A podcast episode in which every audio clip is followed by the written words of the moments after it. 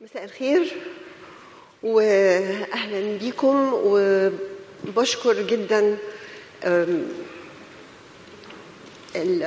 Alternative Policy Solutions آه، لهذه الاستضافة الكريمة.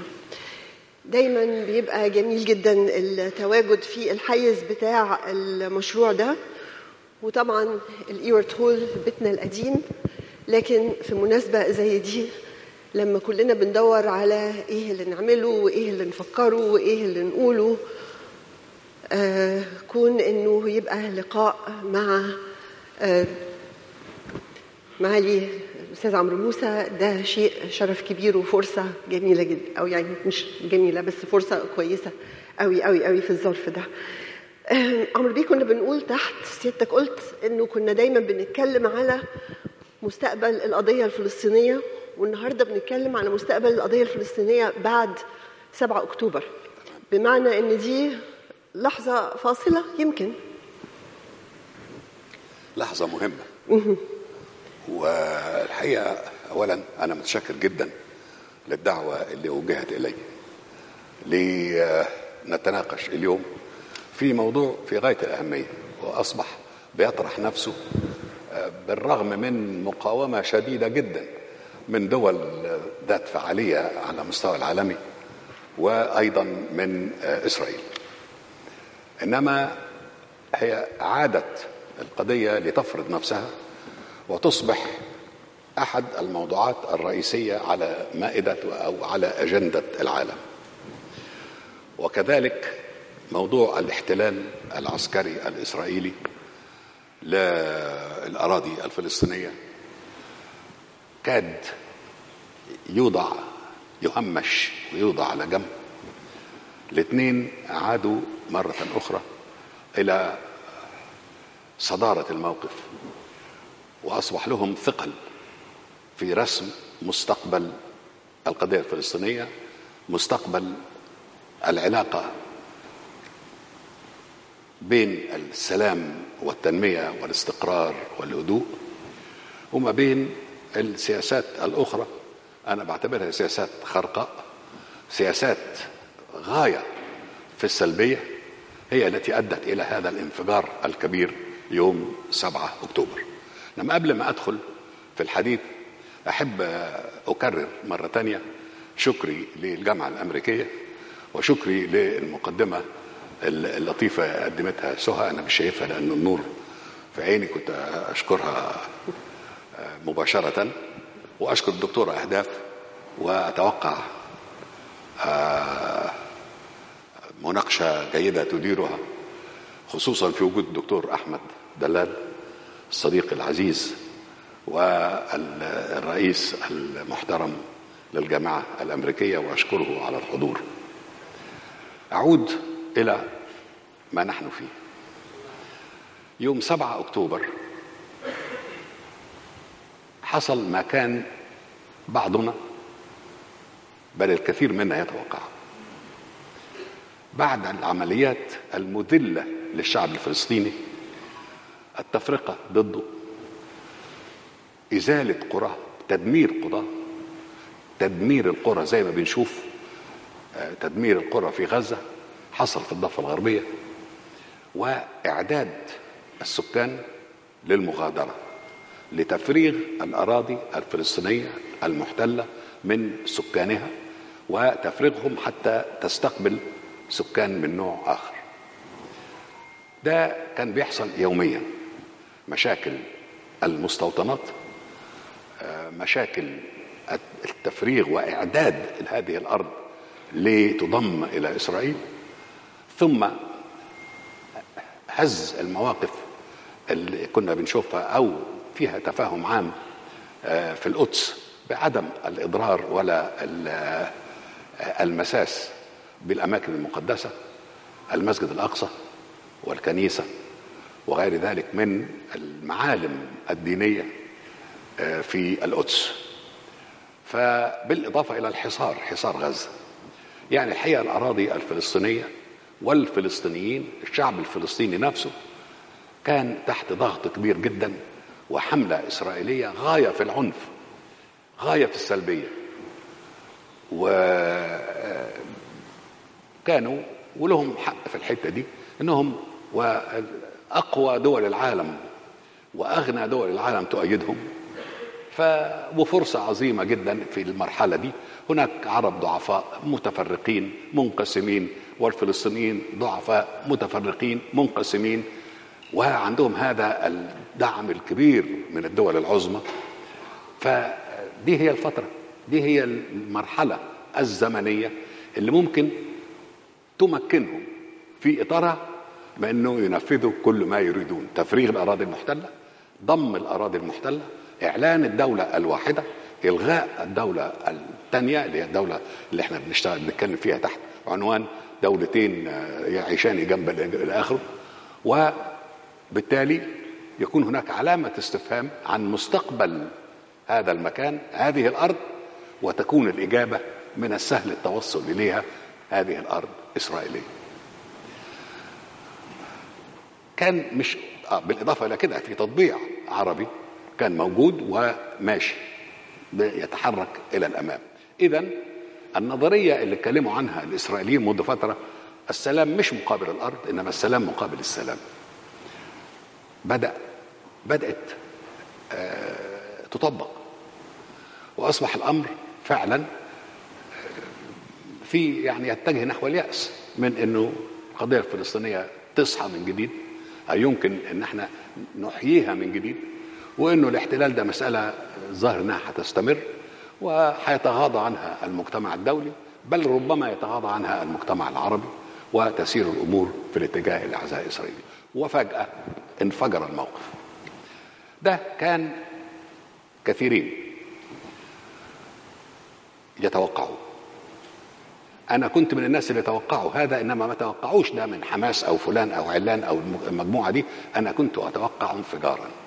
أنا أعرف الفلسطينيين كويس. وأرى إنهم شعب شديد صعب المراس قد يهدأ في بعض الأوقات ولكن ولكن حملة التركيز السلبي عليه وإهانته وحصاره وإفقاره زادت عن الحد اللي يمكن أن يتحمله أي شعب. له هذا التاريخ النضالي الضخم وقضية عادلة هائلة ما يمكنش تترمي بهذا الشكل أو تهمل بهذا الشكل. ففين جاي الانفجار؟ مننا كتير ما عرفوش جاي منين. طبعا. وحصل 7 مايو. أنا بتصور 7 أكتوبر. أنا بتصور إنه 7 أكتوبر حد ما بين مرحلة وأخرى المرحلة اللي فيها استضعاف للفلسطينيين بل احتقار لهم والتخطيط الممنهج لإلغاء هذه القضية برمتها من أولها إلى آخرها وما بين نعمل إيه؟ إيه اللي هيحصل؟ إيه اللي حصل؟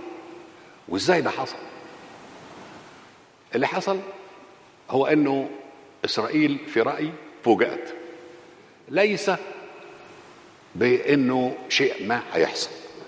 لا زي ما كان كتير منا متوقعين شيئا ما سوف يحدث على من منظور المقاومة والرفض الفلسطيني رد فلسطيني كان الإسرائيليين يتوقعون هذا. إنما لم يكونوا يتوقعوا أنها حتكون بهذا الزخم وهذا الترتيب والتدريب والتخطيط.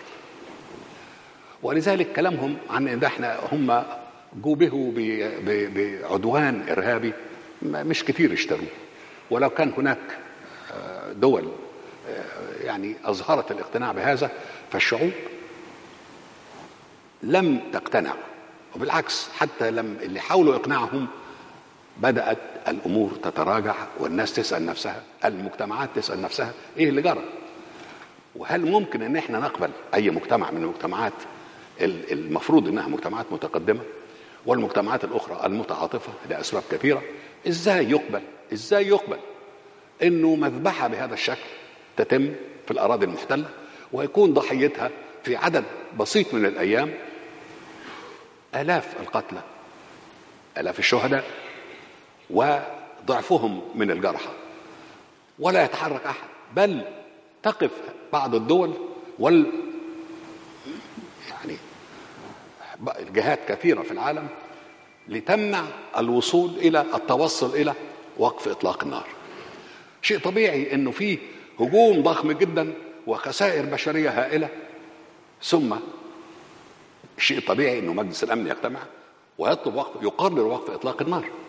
أما إن مجلس الأمن يعوق ووقف إطلاق النار يعوق وحتى القرار يتحدث في بدء من بدري على الوضع الإنساني المتراجع كل ده منع مجلس الأمن من إنه يقرره أو ينظر فيه. عمرو بيه اتفضل أنا بس عايزة أرجع لأن حضرتك سبقت كتير في ال. طبيعي طبيعي يا ست. أكيد طبيعي. بس أرجعك لورا حتة صغيرة. زي ما اتفضلت إنه المتابع للشأن الفلسطيني ما كانش يستغرب إنه يحصل انفجار بشكل ما دلوقتي. والحقيقة يعني حكاية صغيرة. إحنا كان عندنا آه، فعاليه لبالفست احتفاليه فلسطين في لندن. كان مقرر لها سبع- 27 أكتوبر لكن كانت محجوزة من يونيو. فكل ما بنقرب على الوقت كنا بنحس إنه في حاجة هتحصل. والحقيقة ال- الجواب اللي بعتناه للناس 15 سبتمبر عشان نقول لهم إنه في فعالية يوم 27 أكتوبر واحجزوا اليوم وكده قلنا فيه إنه لأن ده طبعا عشان ده في إنجلترا فده كان المفروض إن هو آه، بمناسبة 75 سنة على النكبة. فقلنا فيه إنه آه، النكبه ما هياش حدث واحد حصل سنة 48 دي عملية مستمرة وبتتصاعد وتنخفض. وإن إحنا خايفين إن إحنا داخلين على تصاعد يشبه سنة 48 في الفترة اللي جاية. وقد كان. بس الحقيقة برضو ما كانش توقع إنه من حماس. يعني أنا شخصيا كنت متصورة إن حاجة هتحصل بالنسبة للمسجد الأقصى. وعايزة أرجع ده أرجع لده في كلامنا آه بعد بعد حاجة بسيطة. أنا دلوقتي بس عايزة أسأل حضرتك لأنه إحنا جالنا أسئلة جالنا أسئلة كتير ال ال الفريق في في في حلول بديلة آه، فتح الباب إن الناس تبعت أسئلة. فجات لنا جات لهم وبعتوا لي أسئلة كتير. فأنا ضمنتها الحقيقة في الأسئلة اللي هحطها قدام حضرتك. السؤال الأولاني في الحقيقة هو إحنا دلوقتي بندور على إيه؟ يعني دلوقتي في وقف إطلاق نار في في هدنة وفي احتمال إن الهدنة تستمر لكن لو استمرت تستمر قد إيه؟ ودي هدنة في الآخر يعني دي حاجة مؤقتة. فإحنا النهارده النهارده عاوزين نشوف إيه بيحصل على الأرض في في غزة وفي فلسطين. كحاجة يعني مباشرة حالية دلوقتي. غير الحلول يعني اللي هنتكلم فيها الحلول ال- ال- ال- طويلة المدى. لا طويلة المدى ده موضوع تاني. الأهداف اللي يجب أن نتوخاها أي قيام الدولة الفلسطينية. ووحدة الأراضي الفلسطينية المحتلة تمهيدا لإقامة الدولة الفلسطينية.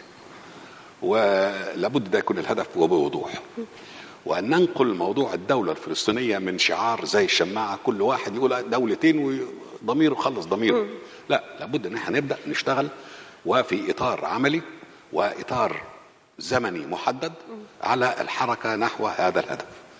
ده من ضمن ال- المكاسب اللي كنا بنتكلم فيها قبل كده إحنا قبل ما نيجي هنا إنه هناك إيجابيات آه، أسفرت عنها عملية 7 أكتوبر. وهذه الإيجابيات يعني واضحة إنما أنا أحب آه، أذكرها أو أعددها. زي ما قلت إنه الدولة ال- ال- ال- القضية الفلسطينية عادت إلى آه، مسرح الأحداث وكذلك موضوع الاحتلال العسكري اللي إسرائيل عملت كثيرا جدا لت- لتنساه الناس. ده واحد ده اثنين ثلاثة إنه موضوع التهجير القسري للمواطنين الفلسطينيين. وده كان موضوع ولا يزال موضوع من من من الأسس الحركة السياسية الإسرائيلية في المرحلة دي لينتهوا إلى الدولة الواحدة الدولة الإسرائيلية يسموها زي ما هم عايزين يسموها إنما لا مكان للدولة الفلسطينية. ده اللي حصل إنه الكل بقى بيتحدث عن الدولة الفلسطينية وبالتالي عن المستوطنات وبالتالي عن السياسة الإسرائيلية هتكون إزاي. أنا بشوف ما يلي. نمرة واحد الحكومة الإسرائيلية الحالية بتشكيلها المتطرف لا يمكن لا يصلحوا لأن يكونوا مفاوضين للسلام. ما يمكنش. آه اذا لابد من تغيير في هذه الناحية. متصور إن نفس ال- ال- ال- ال- الحكومة اللي أعطت الأوامر بهذه المذبحة الخطيرة اللا إنسانية الغير مسبوقة إلا في أحداث غير إنسانية تاريخية على مدى التاريخ كله سواء القديم أو الحديث. اللي حصل ده مش أقل من التهديدات اللي تعرضت لها مجتمعات بكاملها سواء لقنبلة نووية سواء لتعذيب سواء لكذا. ده منهم من الأحداث الكبرى دي. والمتهمين بها ومرتكبيها لا زالوا في الحكم. ما يمكنش يتكلموا في السلام ولا يصح أن يجلس معهم أحد للحديث في السلام. لأنه هيكون في كذبة كبيرة جدا وعملية نصب سياسية لا يصح قبولها من جانبنا ده واحد. إنما في نفس الوقت طالما إحنا بنتكلم عن مستقبل القضية الفلسطينية في نفس الوقت عندنا هدفين. لابد من العودة إلى خلق نوع من التضامن العربي. من التضامن العربي بالنسبة لما يجب أن المجال اللي يجب أن نتحرك فيه والهدف اللي إحنا نصل إليه. بما بما يتحمل به من احتمالات ال- ال- الغضب من ناحيتين واحتمالات آه، مقاومة واحتمالات انفجار إلى آخره إنما لا بد أن يتضامن العرب. إحنا ما بنتكلمش عن وحدة عربية ووحدة ما يغلبها غلب الكلام ده كله خلاص ده حطيناه على جنب. إنما اللي بتكلم فيه هو تضامن فكري سياسي عربي لنتفق على الطريق من الآن إلى ال- ال- ال- الوضع النهائي. هنا بقى التضامن العربي أنا ما بتكلمش عن بالضرورة ال 22 دولة أعضاء الجامعة العربية. فلنرى إذا كان في أربعة خمسة أو ستة يستطيعوا قياد- قيادة هذا الموضوع فليكن الأمر كذلك. إنما ضروري من طريق نجمع به تيار عربي متفق على هدف معين متفق على مسيرة معينة ومتفق أيضا على نقاط لن نقبل بها. لا من الناحية ال- الإجرائية زي هنتفاوض مع مع بن غفير. معقول هنتفاوض مع بن غفير؟ مش ممكن. فلا بد نتفق على هذا. وكنت شيء واضح. هو مش هيتفاوض معاك ده شيء واضح. إنما أيضا لابد من علاج الانقسام الخطير اللي فيه الصفوف الفلسطينيين. وأنا هنا شوف يا ده هنا لابد نتكلم بصراحة. خطورة الوجود الاحتلال الإسرائيلي والإجراءات الإسرائيلية والتطرف الإسرائيلي على الجانب الآخر خطورة الضعف الفلسطيني والانقسام الفلسطيني أو الاستضعاف الفلسطيني في هذا. لابد أن نعالج الأمرين دول. ضروري. إحنا في إطار تضامن عربي أو في. في إطار تضا... يا إما جزئي أو شامل أو أوسع من هذا أوسع من هذا يعني إيه يعني يا إما الإطار الإسلامي المؤتمر الإسلامي اللي هو اللي هو كان جزء من القرارات اللي اتخذت ده أو على مستوى ال- الجنوب ده جلوبال آه، ساوث. ضروري ضروري من إحنا نتكلم في هذا وهناك من يتحدث في هذا الأمر بجدية الآن طبعا. إنه من مسؤوليتكم أن تشوفوا هنتصرف إزاي في القضية الفلسطينية. وإحنا كدول عربية وكمجتمع عربي لن يعني نسلم بيها يعني كده نبيعها رخيص. إنما في نفس الوقت من الناحية الموضوعية والسياسية والاستراتيجية لا يمكن تصور سلام أو استقرار أو تنمية بدون حل القضية الفلسطينية. طيب أثير بقى مع حضرتك من اللي اتكلمت فيه ثلاث نقط. قبل ما نيجي لموضوع المواقف العربية وإمكانية التضامن العربي وكده وحتى موضوع ال- ال- ال- الجبهة الفلسطينية نفسها أنا عايزة أثير حاجة بالنسبة لطبيعة إسرائيل. طبيعة؟ طبيعة إسرائيل. آه. يعني آه دلوقتي في غزة في وجود حكومة المستوطنين حصل كمية المذابح الرهيبة دي وإحنا وصلنا دلوقتي أعت- أعتقد لأكثر من 15 ألف. وحاجة يعني ما يعني ضرب المستشفيات كل المشاهد الفظيعة اللي شفناها. ولكن لو نبص على تاريخ إسرائيل كله هم معلنين ما حضرتك قلت مسألة تفريغ الأرض. يعني هم من, من بدء المشروع وهم معلنين أن هم عاوزين أكثر ما يمكن من الأرض بأقل ما يمكن من السكان الأصليين. وكل حاجة عملوها بتحدث في السكة دي. سواء مستوطنين يمينيين سواء يسار سواء أي حاجة. ده المخطط بتاعهم. وده اللي بينفذوه على الأرض طول الوقت وبيتحينوا الفرص. يعني حتى 48 تحينوها. يعني اخذوا فرصة الهولوكوست علشان ياخدوا شرعية دولية. آه كل اتفاق عملوه اتفاق أوسلو حولوه إلى أداة لاستعمار أراضي أكتر. إحنا دلوقتي زي ما نكون قدام آه يعني كيان يعني الفكرة الصهيونية دلوقتي بقى لها أكتر من 100 سنة والدولة بقى لها 75 سنة. زي ما تكون بقى لها حياتها والتطور بتاعها الخاص بيها اللي هي محكومة بيه تيجي حكومة تروح حكومة هي إسرائيل هتعمل كده. لا. لا؟ لا. يا ريت. لا لا مش يا ريت.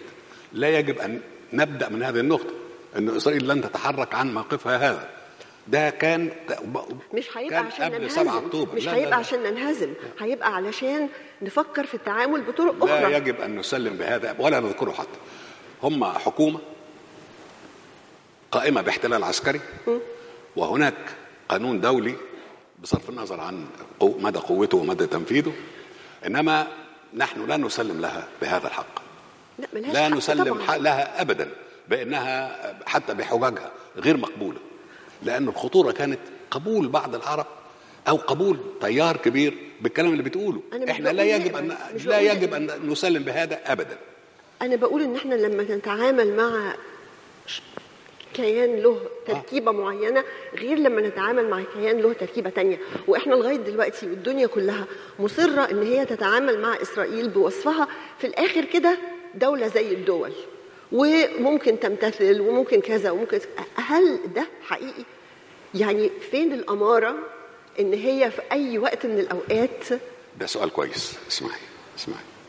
اولا هي دولة غير طبيعية. لأنها قامت بعد مذابح وبناء على وعود وتخطيطات لم تأخذ في الاعتبار حقوق المجتمعات. وظروفهم والمنطقة وخلافه ده واحدة. اثنين انهم حتى الآن بيعتبروا نفسهم في حالة دفاع وأن هناك اللي حواليهم كلهم مجموعة من ال... وقالوا قالوا كده قالوا مجموعة من الحيوانات البشرية. إنما اللي ايدهم مش كل العالم. الحقيقة مش كل العالم. اللي ايدهم أساسا مجتمعات غربية.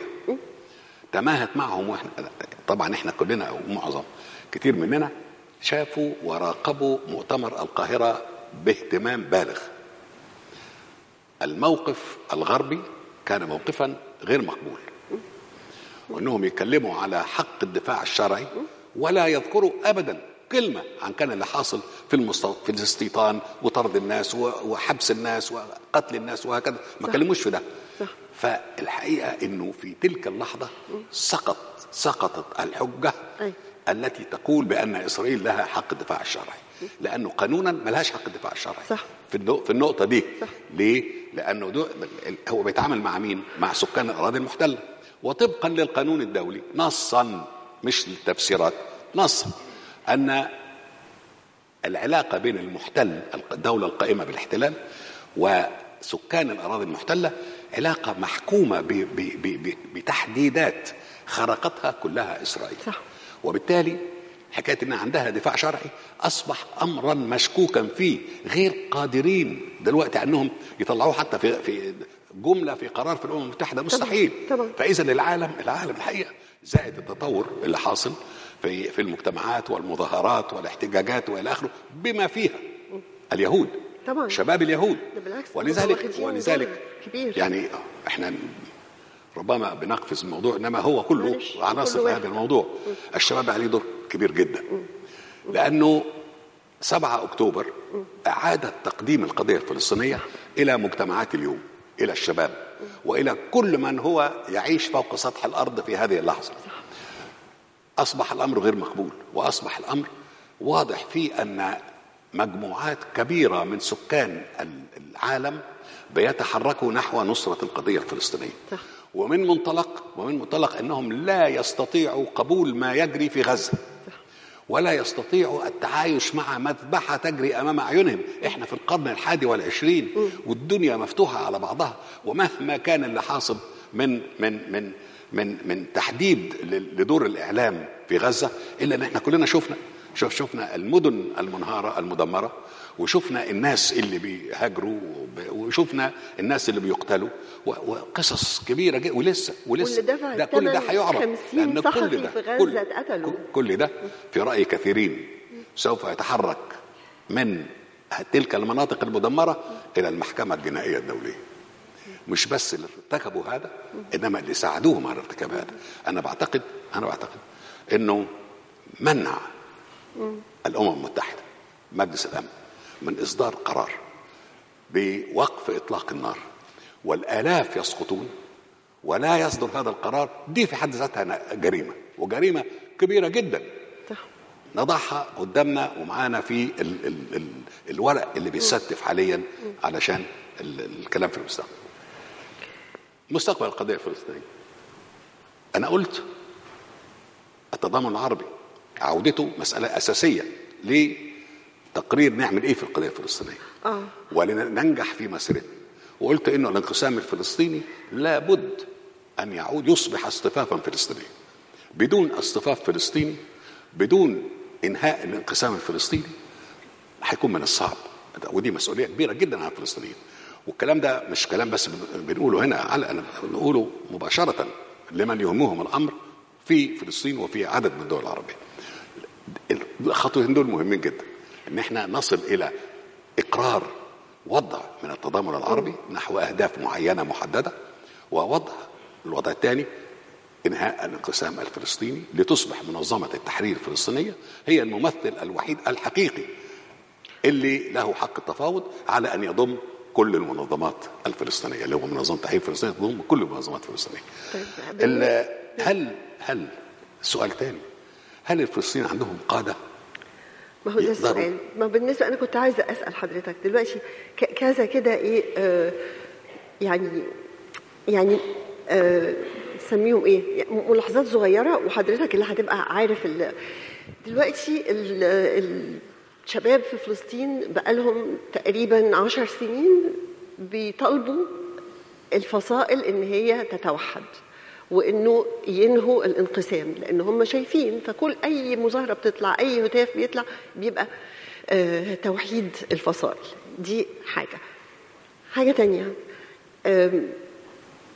يعني كنا بنتكلم على إنه حماس على قد قوتها وشطارتها الميدانية والإستراتيجية والحربية الا يعني في سؤال حوالين قدراتها السياسية إذا كانت هي تقدر تقود عملية سياسية تحول الانتصار العسكري إلى آه، لا. مكسب سياسي نعم. لا أنا اي وذ ذات لا, لا, لا أقبل ده أوكي. لأن هي مش بس لا لا لا السلطة آه. ولا حماس ولا نضال ولا كفاح ولا غيره ابدا كل البناء. السياسي الفلسطيني تمام. يجب هو اللي يتفاوض تمام هم حماس عموما بيقولوا إن هم بيديروا إن هم حركة مقاومة ومضطرين يديروا غزة لكن هم مش عاوزين يحكموها. وفي كلام على إنه يعني ما- هو برضو ما حدش متقبل أبو مازن. ففي كلام على إنه القائد اللي ممكن الكل يقبل بيه يكون مروان برغوثي هل في أي احتمال إن. إن إسرائيل تطلع مروان برغوثي يعني هل ممكن يبقى في كده دريم تيم مروان برغوثي حنان العشراوي آه، كده ويبقى آه، ده آه، قيادة سياسية فلسطينية هل دي حاجة ممكن تحصل؟ نعم ممكن تحصل. أعتقد هذا. ولكن أنا مش ملتزم ولا مرتبط بفلان الفلاني أو غير فلان. أوكي. مع احترامي البالغ لمروان ولحنان وغيرهم. قدوة وغير. في في ناس آه. جيدة جدا موجودة. صح. آه إنما هل إسرائيل ممكن ولا مش ممكن؟ آه إسرائيل ممكن جدا. الضغط عليها طلع ناس وحماس أو غير حماس. يقول لك والله إحنا مش هندي لك ده إلا لو عملت كذا. وهناك قدرة الآن على هذا. الفلسطينيين ضروري يجمعوا على أنهم يكونوا يقدروا يقعدوا في مجتمع زي ده سوا حول مائدة مستديرة من كل هذه ال- ال- المنظمات علشان يتفقوا على المستقبل. وطبعا مصر مش هتسيبهم.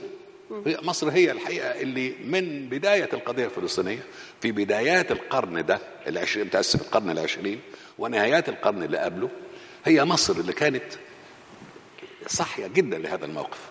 ومصر لا تزال حتى الآن وأعتقد أن إحنا جميعا ملتزمين بهذا. أقول لك ليه. المسألة مش مسألة عاطفية. دول. الجيران المباشرين لنا. والجيران المباشرين لنا إذا كانوا هيعيشوا في مثل هذه المعيشة اللي فرضتها عليهم إسرائيل فهيكون هناك انفجار كل فترة. ده, ده كان كل كام سنة. لا المرة دي وفي القرن الحادي والعشرين هيكون كل سنة كل اثنين كل شهور كل بتاع سيحدث انفجار. إحنا كدولة ده بيحصل في. في مشرقنا على بعد سنتيمتر واحد من حدودنا. ضروري نكون منفعلين بهذا. لابد يكون لنا دور في هذا. وده اللي إحنا وده زي ما هو معروف يعني دورنا في العصر الملكي. اكتمل بدورنا في العصر الجمهوري. صح. بقى يعني الارتباط بالقضية الفلسطينية لم يكن وليد التزام بعد 52 لا، لا. ده اسبقها بكثير. واخد طيب. بالك؟ فاي نعم أنا بعتقد كده. وبعتقد إنه ممكن جدا واحد زي مروان برغوثي إذا كان الإسرائيليين أذكياء يعني لأنه نفس التجربة حصلت لمانديلا نفس التجربة حصلت. لغاندي. مش شرط أقول إن مروان زي مانديلا أو زي غاندي إنما في إطار الوضع الفلسطيني والوضع في العالم العربي أنا بعتقد إن ده اسم جيد. وزي ما قلت حنان وناصر القدوة وغيرهم مش بس أكفاء إنما غير معروفين بالفساد. صح. خد بالك. دي حاجة أساسية. لأنه في في ناس تانية اسم كبير جدا فسدان. آه. آه. فلا في في هذه الفرص قائمة. إزاي؟ ده موضوع تاني مش هو موضوع ندوه زي دي إنما دول موجودين. طيب. فخلينا نتفق على إنه في إجماع عام للمجتمع بتاعنا في أجياله المختلفة إنه ضروري من إعادة إحياء القضية والتزام مصر والتزام الدول العربية إنما التزام مصر أساسا بهذه القضية لأنها تمس أمننا القومي تمس الأمن القومي بالمعنى الحقيقي للكلمة. ولذلك دورنا مهم.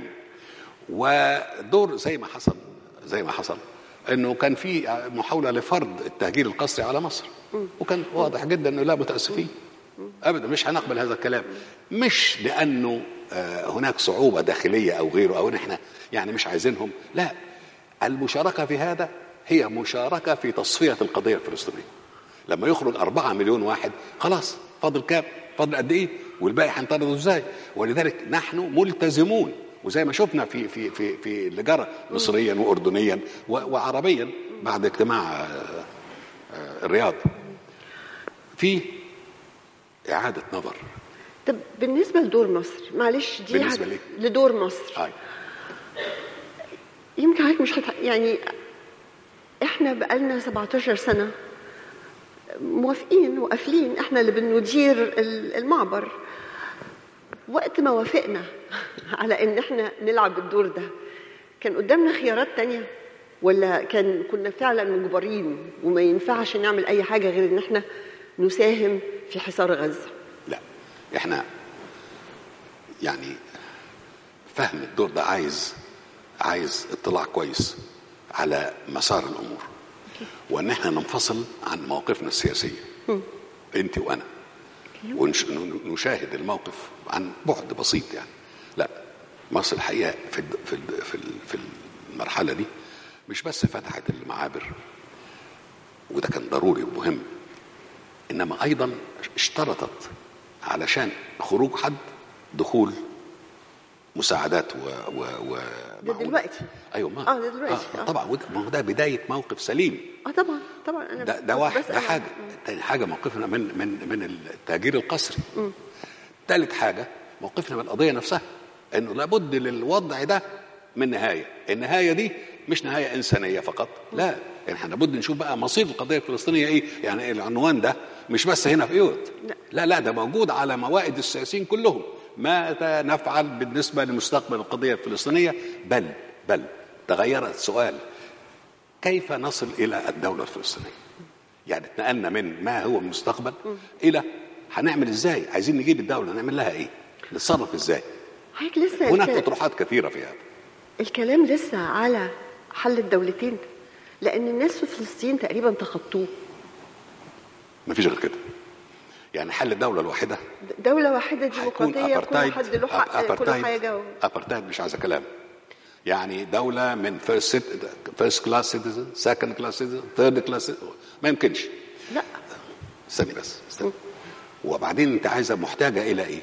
إلى إنه الدولة الإسرائيلية تقول لك أنا مستعده لقبول هذا الكلام. أما الدولتين فهو قرار دولي وله أنصار دوليين ومن السهل إقناع الناس به. حتى الأمريكان دلوقتي بقوا يتكلموا تاني عن القضية على عن الدولتين. في مسار كبير ثري جدا بالأسانيد القانونية والصياغات السياسية تخدم موضوع الدولتين. اللي اللي طعن موضوع الدولتين هو موضوع الاستيطان. أيوه. والتسامح اللي جرى من دول كبرى مع موضوع الاستيطان. موضوع الاستيطان ده بقى فيه درس أظن آه، كتير مننا شافه. إنه كل ما سمى بمستوطنات غلاف غزة اتفضل اتفضل ما فيش خلاص شالوه. وكذلك الغلاف اللي حول الحدود اللبنانية الإسرائيلية. 45 آه، يعني كان من السهل. إنهم يمشوا. Within days. إنهم يطلعوا. آلاف الناس اطلع اطلع اطلع ويسكنوهم في مكان آخر. يبقى ما تقوليش بقى إن الاستيطان ده أصله من الصعب إن إحنا نغير من السهل إنك تغير. وإذا ما كانش كده إحنا هنجبرك بقى تشوف إنه ده هيكون تهديد لاستقرار الناس وهم نفسهم يقول لك أنا هقعد بقى في مستوطنة بعد شوية ده يضربني وده يجري لا لا. ولذلك بدأ مش التهجير القسري الفلسطيني للفلسطينيين بل الته... بل الت... الهجرة يعني الطوعيه للإسرائيليين. في تطورات كتير بتحصل. وده اللي بيجعلني أقول إحنا ما فيش ما يدعونا ابدا إلى لا اليأس لا. ولا التشاؤم. إنما أن يكون هناك بعض التفاؤل بعض التفاؤل مش لأنه يتوقف على حاجات كتير جدا. وإحنا يعني مش إحنا كمصريين إنما إحنا في العالم العربي شطار جدا. في ان إحنا نفقد فرص. وأصبح الإسرائيليين زينا بالظبط. جاهزين لفقد الفرص بس لمصلحتهم. بالظبط لمصلحتهم. ما هو ده يعني السؤال اللي بيطرح نفسه دايما هو هل إسرائيل آه، مستفيدة من السلام؟ يعني هل إسرائيل عايزة سلام؟ لا. ولا هي بال- بالعكس هي وضعها إن هي دايما كده مقاتلة ودايما حواليها ناس مش عايزينها ودايما بيديها آه. تميز. يعني ده ده سؤال يقتضي إن إحنا نتكلم فيه بهدوء شوية. في ثلاث مستويات. مستوى إنه السلام سوف يأتي بالخير. يبقى في مشروعات اقتصادية ومشروعات كذا على الكل. ده level ال level الثاني إنه آه السلام كويس جدا والتنميه ده level إسرائيلي. وكان يتحدث عنه كتير شيمون بيريز. إنه ده إسرائيل هتكون فيه هي القائدة هي الرائدة. إحنا عندنا التكنولوجيا إحنا عندنا الصناعه إحنا عندنا كذا إحنا عندنا كده فإحنا قادرين على قيادة المنطقة في إطار تنموي كما من المنظور الإسرائيلي. ده level تاني. ال level الثالث إنه لا. الجماعة العرب دول مش مضمونين. وإحنا قادرين نمشي وإحنا كويسين قوي وإحنا عندنا صناعات مش عايزين التنمية دي. ده الليفلز الخاصة بيه. إزاي نتعايش سويا؟ نتعايش لصالح إسرائيل وده الإسرائيلي أو نتعايش شركات يعني شركاء. وده المفهوم يعني تقول تقول إيه؟ مفهوم كده يعني آه، فيها شيء من الطوبويه أو لا نتعايش. إحنا هنا في نقطة لا نتعايش. هل أنتم قادرين على التعايش يا إسرائيل؟ ولما تسأل السؤال ده ما تسألهوش لنتنياهو. نتنياهو واضح جدا. هو وحكومته إحنا مش عايزين نتعايش معاكم. أنتوا عبارة عن وحوش انيمالز مش عارف إيه. ومش هنتعايش معاكم. إحنا في المرحلة دي. نتصرف إزاي؟ إحنا أول واحدة مش هنتفاوض معاك. أول واحدة. يعني أنت لو أنت أو أنا أو أي حد من الحاضرين. سمع بكرة إنه نتنياهو قاعد على الترابيزة مع أبو مازن أو فلان أو فلان. أقول لك لا السلام عليكم بقى. مش كده ولا؟ طبعا. ما- غير مقبولة لأنها غير منطقية. إنما هل إسرائيل قادرة؟ زي إحنا بنسال أنت سالتي السؤال ده. الفلسطينيين قادرين على إنهم يطرحوا أسماء جديدة وقيادات جديدة؟ السؤال يجب يذكر للإسرائيليين أيضا. هل أنتم قادرين على هذا؟ هل حتى تظلوا في هذا الكهف اللي ادخلكم فيه نتنياهو ومع ابن الغفير والثاني اللي اسمه سموتريتش والثالث الوزير اللي قال على القنبلة النووية والرابع مش عارف قال إيه أنتوا دول مش قادرين تتخلصوا منهم. أنا بعتقد الخطوة القادمة هو إن دول هيسيبوا المسرح. وبالتالي لابد من إعداد المسرح بتاعنا المسرح أيوة. المقابل المسرح ده لهذه الاحتمالات. والاحتمالات دي قائمة. لأنه أنا بؤمن بهذا. قد لا أكون آه، يعني آه، زي ما بيقولوا كوركت في في في كل العناصر اللي أنا بقولها. اسبب بها الأسباب يعني. أنا أرى أن إسرائيل بالفعل هزمت هزيمة استراتيجية جامدة جدا بعد 7 أكتوبر. سواء من حيث جهوزيتها من حيث قدرتها الاستخبارية ومش عارف إيه من حيث ردود فعلها البطيئة. حتى لما دخلوا بالقوات الأرضية بقى لهم فوق الشهر أيوة. بيحاولوا ولحد الآن مش لاقيين مش ظاهر إن في مقاومة كبيرة جدا يبدو هذا. والأرقام اللي بت بت بتعلن آه، عن الخسائر الإسرائيلية أرقام مش مش مظبوطة فيما يبدو لدى على لسان كثير من الخبراء أيوة. إنه ده مش صح في أكتر من كده. آه، والمقاومة لا تزال. ماشي. ليه؟ لأنه منطق يجب يفهموه. طالما هناك احتلال عسكري ستكون هناك مقاومة. واحد زائد واحد يساوي اثنين. إذا كانت المقاومة دي سكتت لسنة أو اثنين أو ثلاثة لظروف معينة فخلاص فتح الباب فتح الباب وظهر ضعفكم. هم كمان خسروا خسروا حاجة مهمة قوي اللي هي ال- ال- ال- ال- ال marketing profile بتاعهم القدرة التسويقية لأن هم يعني مهم جدا بالنسبة لهم إن هم بيبيعوا systems استخباراتية بيبيعوا technology بتاعت surveillance بيبيعوا يعني بيدربوا بيدربوا آه، جيوش في الغرب يعني جيوش وقوات بوليس على آه، إزاي تتحكم في آه، تجمعات مدنية. آه، كل ده هم دلوقتي يعني أصبح فيه سؤال على آه، يعني مين هيشتري ده منهم دلوقتي؟ بعد الهزيمة بتاعه 7 أكتوبر. فده يعني دي دي هزيمة فعلا أساسية جدا أعتقد إن هي حص- حصلت لهم. حضرتك لما بتتكلم على إن إحنا نكون جاهزين فده يعني اللي حضرتك قلته اللي هو إنه الفلسطينيين يضموا الصفوف وإنه يبقى فيه موقف عربي قوي وواضح. صح؟ متضامن. متضامن. على العايز قوي متضامن. ضعيف متضامن. في تضامن على سطور معينه مع- قليله هنعمل كذا هنتفق على كذا. الهدف هو دولتين لن نتنازل عنه دولة ودولة يعني دولة فلسطينية viable دولة آه. فاعلة حقيقية تستطيع أن تعيش. لأنه ترامب عرض دولة. بحكاية اللي طبعاً. اسمه إيه ده؟ ابنه آه، جوز بنته. آه، لا. ذا- ذا- جارد صفقة القرن. جارد كوشنر صفقة صفقة القرن. القرن ما هو جارد كوشنر هو اللي جابها يعني. حاجة م- مضحية مضحكة مبكية. تشوفي حاجة قد كده يعني يمكن الجامعة الأمريكية هنا زائد الجامعة الأمريكية اللي في آه، تجمع؟ التجمع هو دول الدولة مساحة. ومالها آه. حلو. وحواليها حصار وداخلها وجود إسرائيلي في مناطق ه- هي دولة.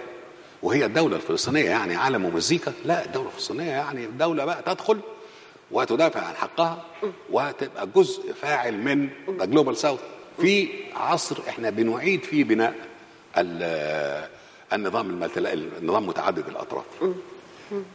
هنا هنا بيكون لها دور لأنها صاحبة قضية القضية مستمرة حتى لو اتفقنا على الحل. مش بتاع النهارده مش بتاع بكرة يعني. إنما لما نتفق على الحل ويكون في توجه واضح والتزامات من دول كبرى فاعلة بالذات الدول دائمه العضوية في مجلس الأمن على دعم هذا الاتجاه يبقى في إنما أنا بعتقد إنه هيبقى صعب جدا لحد ما يتغير الموقف الأمريكي بصفة خاصة. بالظبط. فهل سوف يتغير؟ ولا لا this is ده هذه علامة استفهام. أنا لا أستطيع الإجابة عليها ولا أنت ولا حد. إنما نستطيع أن نأمل في هذا. ونقرأ ال- المؤشرات ماشية إزاي. طبعا بقى من يوم الحضن اللي جرى يوم 8 أكتوبر. إلى المطالبة بممرات آمنة وضرورة دخول هناك تغير كبير جدا. لسه هذا التغير ما وصلش إلى مرحلة الدولة الفلسطينية. يجب تكون وأنا مسؤول عنها. لما تيجي بقى حاجة زي كده يبقى إحنا اذا بدأنا نتحرك نحو المستقبل. الاجابه على دي على السؤال اللي انت سؤالينه هنا ده هو الدولة الفلسطينية الفاعلة يجب أن تقوم. وده ويكون هدفا متفقا عليه كائنا ما كانت تكاليفه. مع بقى شروط بنتكلم عن من يتفاوض معنا مع إسرائيل وكنا رأي. مش آه نتنياهو لا ده. أصل الابتسامة أنا ليا مقال مؤخرا بقول فيه آه، إنه الابتسامة الغربية الفاتنة. لم تعد. لم تعد تغري احدا. هذه الابتسامات الفاتنة. إنه مش عارف إيه وراجل ظريف و... ويقول إحنا لا لا، دي مسائل سهلة وهنتكلم في ده وبعدين يجي واحد تاني قاعد انه في ظرف سنة ممكن تبقى سنة ونص. نعمل الدولة وانتوا بس اهدوا وإحنا هنتصرف. الكلام ده محدش هيشتريه تاني ابدا ابدا. لأن إحنا دقناه إحنا دقناه. وأنا كنت شايفه ولذلك كان ليا مواقف شديدة في في هذا. كنت شايف عملية نصب. بس. من زمان. من زمان طبعا. أول عملية نصب إيه؟ مسار تفاوضي open ended آه. اللي تباتي فيه تصبحي فيه لعشر سنين. معقول؟ دلوقتي ه- بالمناسبة يعني بمناسبة مسار تفاوضي open ended كان في كلام كده مطروح على إنه آه، يبعتوا توني بلير يقود. يقود. يعني الجانب الفلسطيني في في التفاوض يعني لا هو هو نقول حاجة ولا ما نقولش؟ اولا سمعتي الضحكات بالظبط طبعا. لا لا لا يعني. دي يجب تكون معروفة آه. قوبل اسمه بضحكات سخرية من من من من, القاعة. من قاعة كبيرة فيها ناس كتير جدا وشباب يجب يفهم هذا الكلام آه. ولو كان ليا فرصة أشوفه هقول له صح صح طبعا إنما أنت بقى لك حق ليه لأنه قراءة الموقف في إنجلترا في بريطانيا بتقول إنه حزب العمال له فرصة كبيرة إنه يكسب الانتخابات القادمة السنة الجاية. وتوني بلير زعيم حزب العمل فلا بد هيلاقوا له شغل. إيه اتفضل أنت بقى وأنت الراجل اللي فاهم كل اللي جرى وكل ده. وهنشوف وسوف يكون لكل حادث حديث. يعني لو هو دخل تاني والله لنا كلام. حزب العمال بس ك footnote يعني إنه حزب العمال عمال يخسر كتير جدا علشان الموقف بتاع الحزب طبعاً. دلوقتي طبعاً. وبتاع كير ستارمر آه، طبعاً. بس طبعاً. الناس متحيرة إن هي آه، مش عاوزة تنتخب المحافظين لكن في نفس الوقت دلوقتي خلاص مش عاوزة تنتخب العمال كمان فقد تكون دي فرصة الخضر أنت بتأيدي مين فيهم أنا والله أنا كنت كنت بأيد العمال وقت ما كان جيريمي كوربن بس طبعا دلوقتي لا يمكن إن أنا أيد. كير ستارمر آه. يعني استحالة فأنا لو هنتخب هنتخب الخضر يعني إن شاء الله. ال Green Party آه okay. ال Green Party اللي هي يعني كان لحد قريب ملهاش لازمة لكن يمكن يمكن دلوقتي it is good to know يعني مسألة يمكن ناس كتير تنتخبها. طيب بمناسبة بقى ال ال ال طيب لا سؤالين. بالنسبة لأنه أمريكا تغير موقفها يعني إيه اللي هيخليها تعمل ده إحنا دلوقتي فاهمين إنه ال- الساسة بيتعاملوا بالدورة الانتخابية بتاعتهم يعني وحضرتك حتى قلت في واحد من اللقاءات بتاعتك إنه للأسف إن إحنا داخلين على انتخابات وبالتالي آه هتبقى. الحسبة. كده وكده وكده ف إيه إيه غير يعني إيه اللي ممكن يخلي الإدارة الأمريكية تاخد موقف أكثر آه، اتساقا مع أن مبادئها. أن تشعر بأنها تخسر في هذه المنطقة. والشعور ده أصبح له أساس. الرأي العام العربي في كل مكان من الخليج من الخليج إلى المغرب الأقصى وموريتانيا. أصبح غير قادر على تقبل السياسة الغربية عموما. في دعم إسرائيل على ال ال زي ما بيقولوا الحلوة والمرة والحق والباطل والحق اللي عندها قليل يعني. إنما دعمها باستمرار. كان ماشي. والحكومات ربما بعض الحكومات مش كلها الحقيقة إنما بعض الحكومات كانت مستعدة تتمشى مع هذا البتاع. النهاردة الشعوب مش مستعدة. بعد عشرين ألف قتيل. و و و النهاردة هم 15 ما أعرفش انما هيكون كده. هتكون كده. وضعفهم من الجرحى والدمار الشامل لكل شيء في في في, غزة. وما يجري في الضفة. يعني أنا أرجوكم تتابعوا الضفة. لأن الوضع مش فقط خطير في غزة وإنما أيضا في الضفة. إذا كان ده هو الوضع. فمنتظرين إنه يحصل تأييد لمثل هذه السياسات. مش ممكن. مش ممكن. البداية بداية تغيير المواقف هو الموقف العربي في تضامن في حدود الموقف العربي غير قادرين أصبح العرب ما بيشتروش الابتسامة ولا الوعد. هنا يتغير. زائد هو في أكتر من المظاهرات اللي حصلت. حول البيت الأبيض. من اليهود؟ آه ما هم النهارده وامبارح قافلين مانهاتن بريدج. يعني في 2000 بني آدم. وانه إنه الدارسين أو الخبراء في أمريكا قالوا إنه حتى ما كان يتوخاه بايدن الرئيس بايدن من ال- ال- السفر ال 12 ساعة إلى تل أبيب والقبلة والحضن ويركب تاني ويمشي. آه كان يعني كفيلة إنها ت- تضمن له الانتخابات.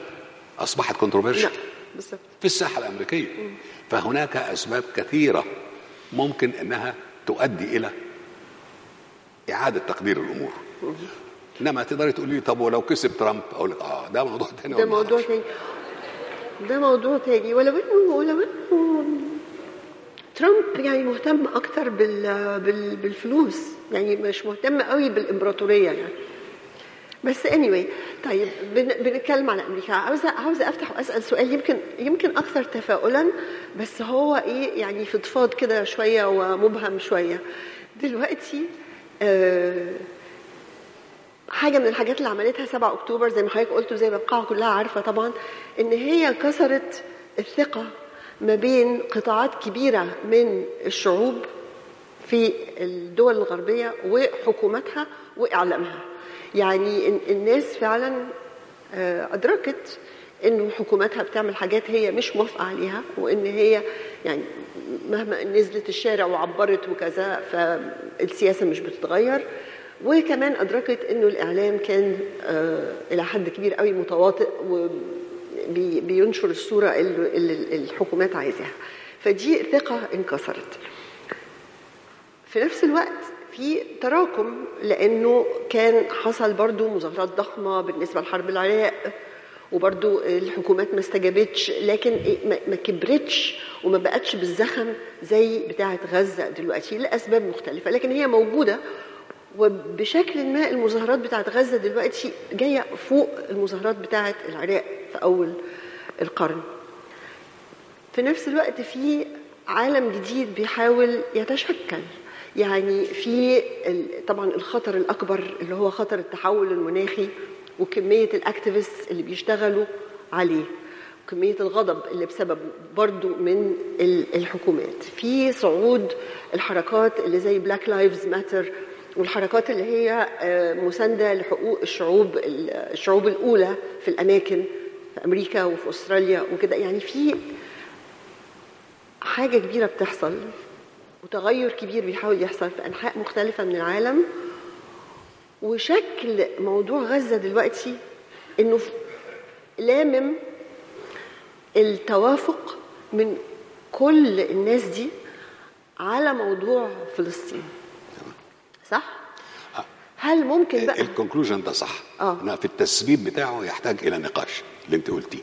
طيب. يحتاج إلى نقاش.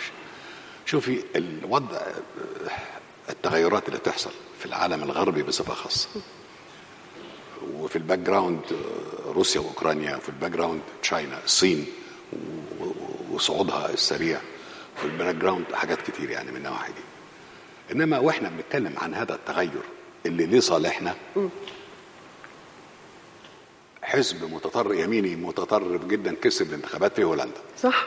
ما هو ده ده برضو نوع هقول من لك. ال- الكسر. حول والتوقع إنه في أي انتخابات قادمة في ألمانيا حزب برضه. البديل المتطرف هيكسب الانتخابات وهناك توقعات بإنه آه الحزب بتاع آه، الفرنساوي ال- آه أيضا أيضا تقدر تنت مش بس الانتخابات البرلمانية انما الرئاسية اللي هي ظرف يمكن ثلاث سنين أقل من ثلاث سنين.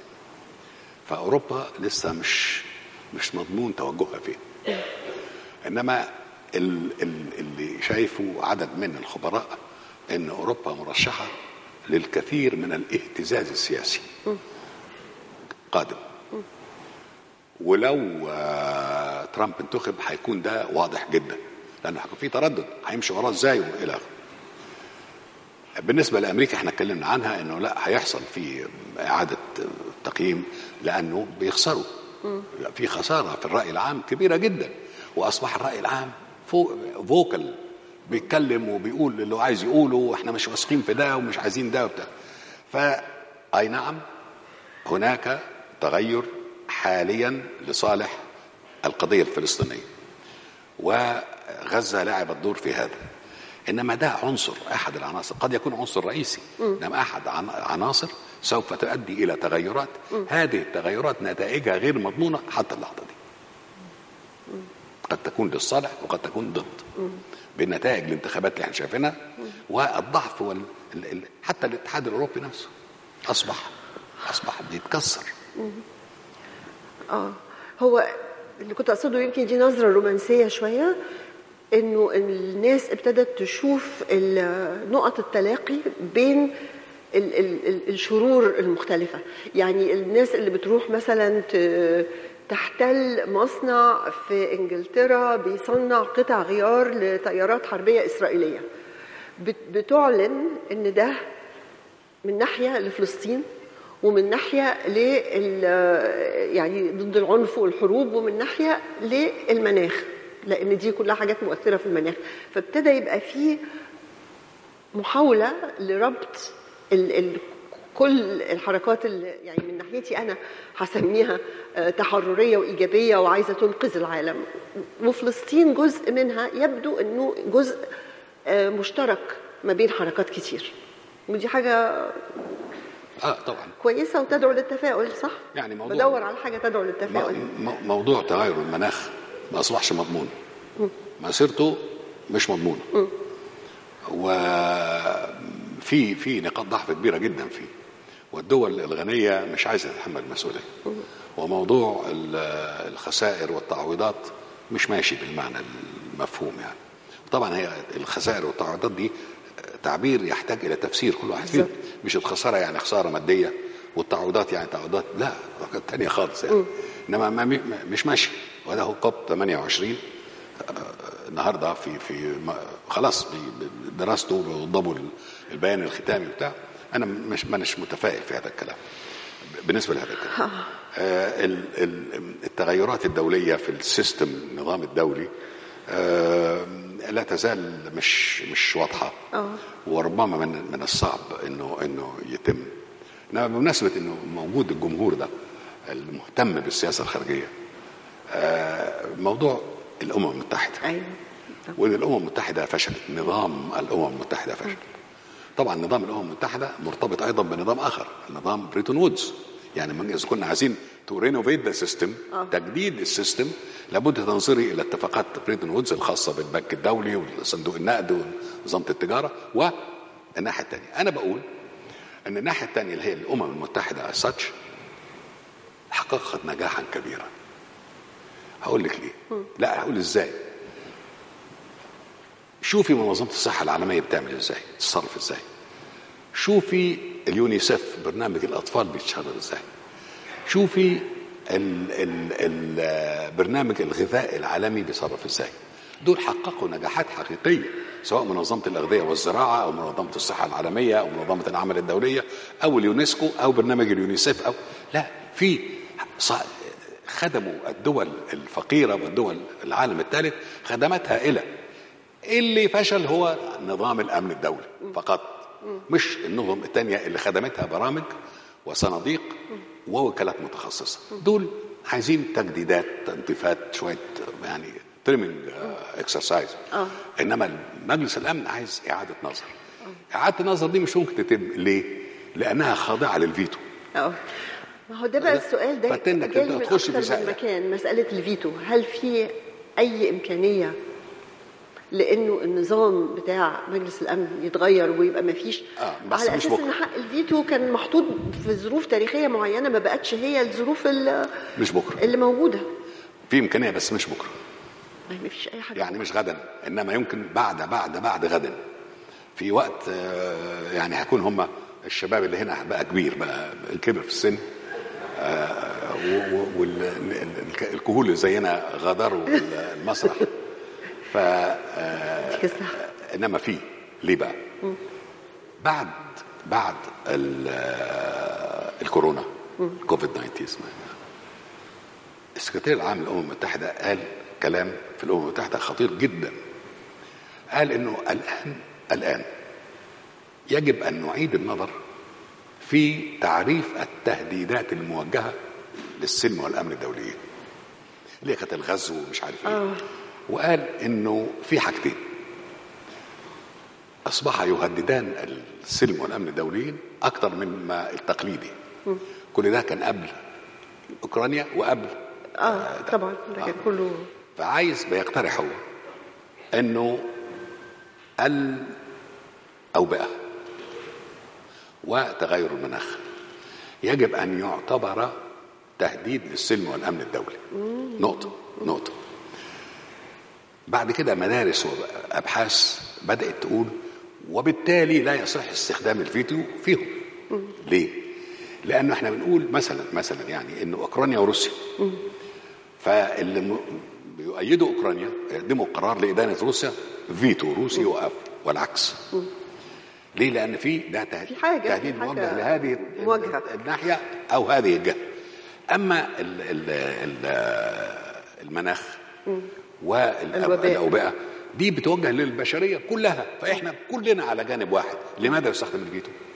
صح من هنا أبواب للكلام عايزه تطور وتطور ذهني وإلى. أنا بقترح إن الجامعة الأمريكية تعمل آه، خلية عمل لمتابعة التغييرات التي تجري في النظام الدولي. وفرصها أنا بقول كده والدكتور دلال موجود يعني. أنا بقترح كده إنه ضروري من مجموعة عمل آه، تتابع هذا الكلام وتجعله جزء رئيسي من عمل الجامعة الأمريكية.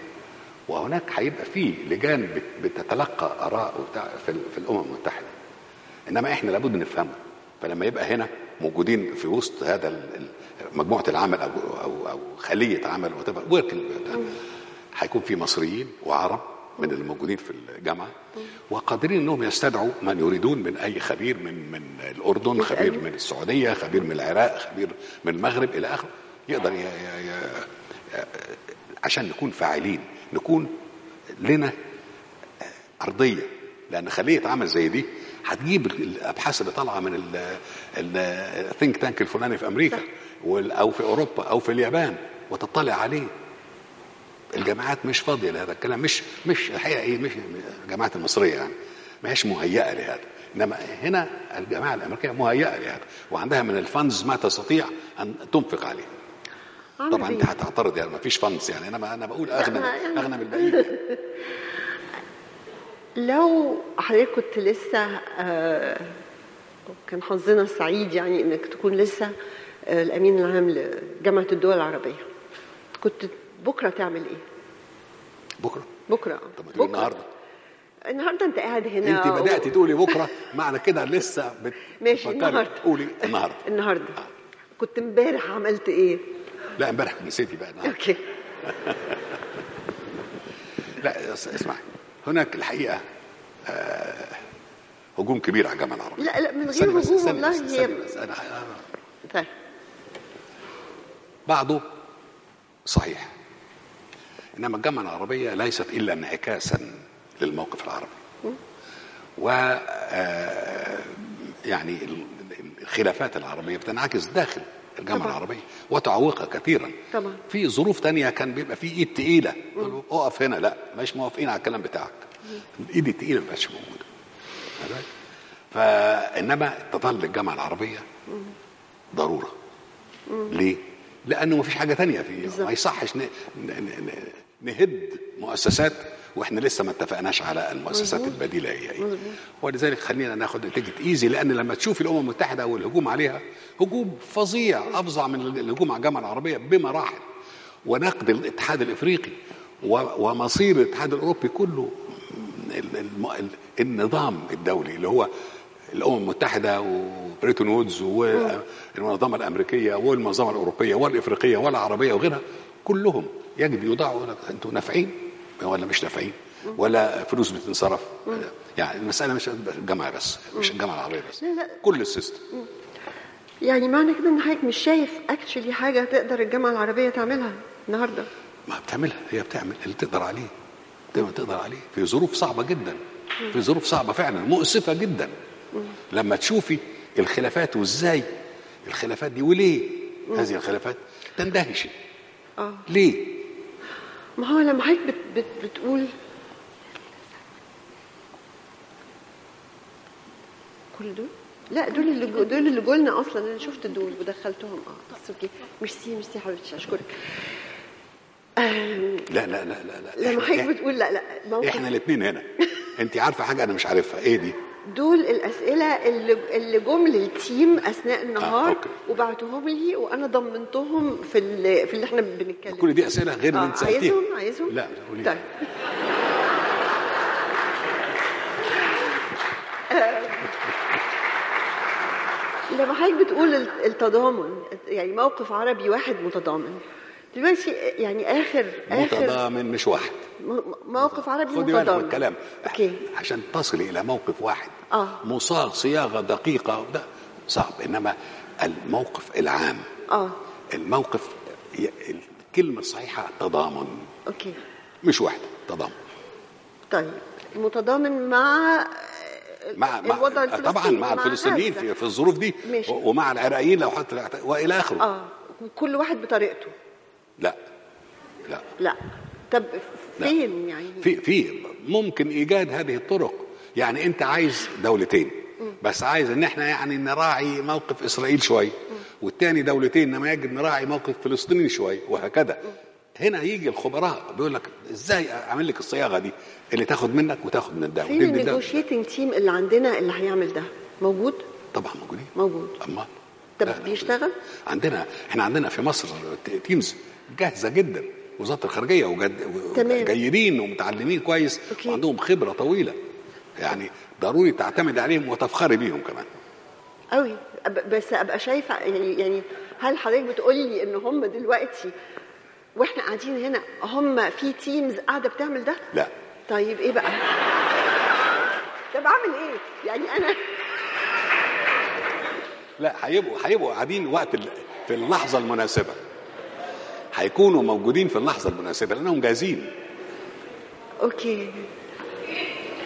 يعني حد هيقول لهم خلاص okay دلوقتي بقت بقت اللحظة بجد والله. أنا متأكدة إن دي أسئلة موجودة عند الناس. يا ستي لما يكون قمة عربية سوف تنعقد بعد عشرة أيام. أوكي. في العشرة أيام دول آه، يبقى يحصل بتشتغل الشغل على. طول. لما يكون في قرار عربي بطرح الأمر مثلا على مجلس الأمن بعد أسبوع بعد عشرة أيام الشهر الجاي تحت رئاسة معينة بيختارها العرب. عندك وقت توضبي موقفك. المسألة مش. مش مش فاضية كده. إنما أنا بتكلم على جهوزية الشخص ووجود الخبير. أكتر من خبير. جاهزين. وأنا متصور أيضا أنا أنا شفت في في في, دو- في يعني وزارات خارجية عربية كتير. أيضا جاهزين. تجدي teams موجودة في الأردن teams موجودة في السعودية teams موجودة. okay. العراق الجزائر المغرب تونس في طيب وعلى النغمة المطمئنة دي أنا بس آه، هقول لحضراتكم إنه آه، يعني الأسئلة دي كلها دي الحاجات اللي اللي جات لل- للفريق وادوها لي وأنا ضمنتها في الأسئلة اللي اتكلمنا فيها لكن لو في أسئلة جديدة في القاعة. يعني تولدت من النقاش مش بتعيد الكلام اللي اتقال. ففي الآخر آه عمرو بيه حن... يعني هناخد ثلاث أسئلة. شمال يمين ورا. بعد عشر دقايق. مش لازم تفضلوا بقى رافعين إيديكم عشر دقايق. يعني بعد عشر دقايق كده هيبقى في مايكس وهناخد ثلاث أسئلة وح... ويا ريت إن هي تبقى فعلا إيه أسئلة. يعني ف طيب. أنا عايز أسمع كويس الكلمة آه أنا ه... آه okay. أنا هترجم لك. آم، طيب أنا يعني سؤالين عندي. سؤال كده عملي جدا وواضح وسؤال من من بتوعي بقى اللي هم ملخبطين شوية. اتفضل. اسألي.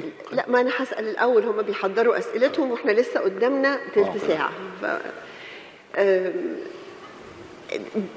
دلوقتي هل في عند حضرتك تصور يعني أو أو هل آه، في فلسطين في تصور لإيه أفضل يعني يعني دلوقتي أظن إن الحاجة اللي إحنا محدش عايزها هو إنه الأمور ترجع زي ما كانت بالظبط في غزة. يعني يفضل حصار ويفضل يعني مجرد إنه ترجع الدنيا تسكت لفترة وهترجع تقوم تاني. فعشان ده ما يحصلش لازم غزة تدار بطريقة معينة ولا إيه إيه بقى؟ ال- الكلام اللي بيقال في هذا الموضوع هو إنه في حركة سياسية ماشية إنهم يدرسوا الاحتمالات المختلفة لكيف تحكم غزة بعد ال- اللي حصل. منها إن إسرائيل بتقول إن هي لن تعود إلى ما كانت عليه وإنها هتبقى هي هتقعد؟ في الشمال لفترة معينة إلى أن هناك رأي ثالث أنه كما تدار غزة تدار الضفة أي وحدة إدارة الضفتين ودي كلام جه من أمريكا أن وحدة الأراضي المحتلة نعود إلى فرضها. ده في ناحية إيجابية إنما ما تعرفيش وراها إيه إنما في ناحية إيجابية في حاجة زي كده يعني. أما أن تعود الضفة وكأن شيئا لم يكن صعب جدا. مش ممكن آه. طبعا. أما أن تعطى لإسرائيل برضه. وتسيطر عليها أيضا صعب جدا. يبقى إيه بقى؟ الانتخابات. إنه تجري انتخابات. تجري انتخابات في الضفة وفي غزة. في نفس الوقت أو بنفس ال ال ال تقولي إيه؟ المنطق إنه هيكون في انتخابات في إسرائيل. فإذا كان في انتخابات في إسرائيل ستؤدي إلى تغيير الحكومة. يجب أن يكون في انتخابات في فلسطين. أيضا. ما هو مين هيعينهم يعني؟ مين يعين. إلا أن تيجي منظمة التحرير الفلسطينية إنما دون انتخاب. آه. إنما الجديد هيكون إيه؟ أن انتخابات تجري في عند الاثنين. إسرائيل تعيد انتخاب حكومة والفلسطينيين أصبحوا بينتخبوا من سوف يحكمهم القادم. ده التغيير اللي بيحصل. فلسطين في اللحظة دي هتنتخب حماس. ما أظنش بالظبط حماس. لا مش كده قوي يعني. لا لا لا. مفيش حاجة مضمونة ابدا. في أراضي محتلة في اعتبارات كثيرة جدا موجودة. ما تاخديش حاجة for granted بالشكل ده. خلاص هترجع. لا. لا. طيب. Okay.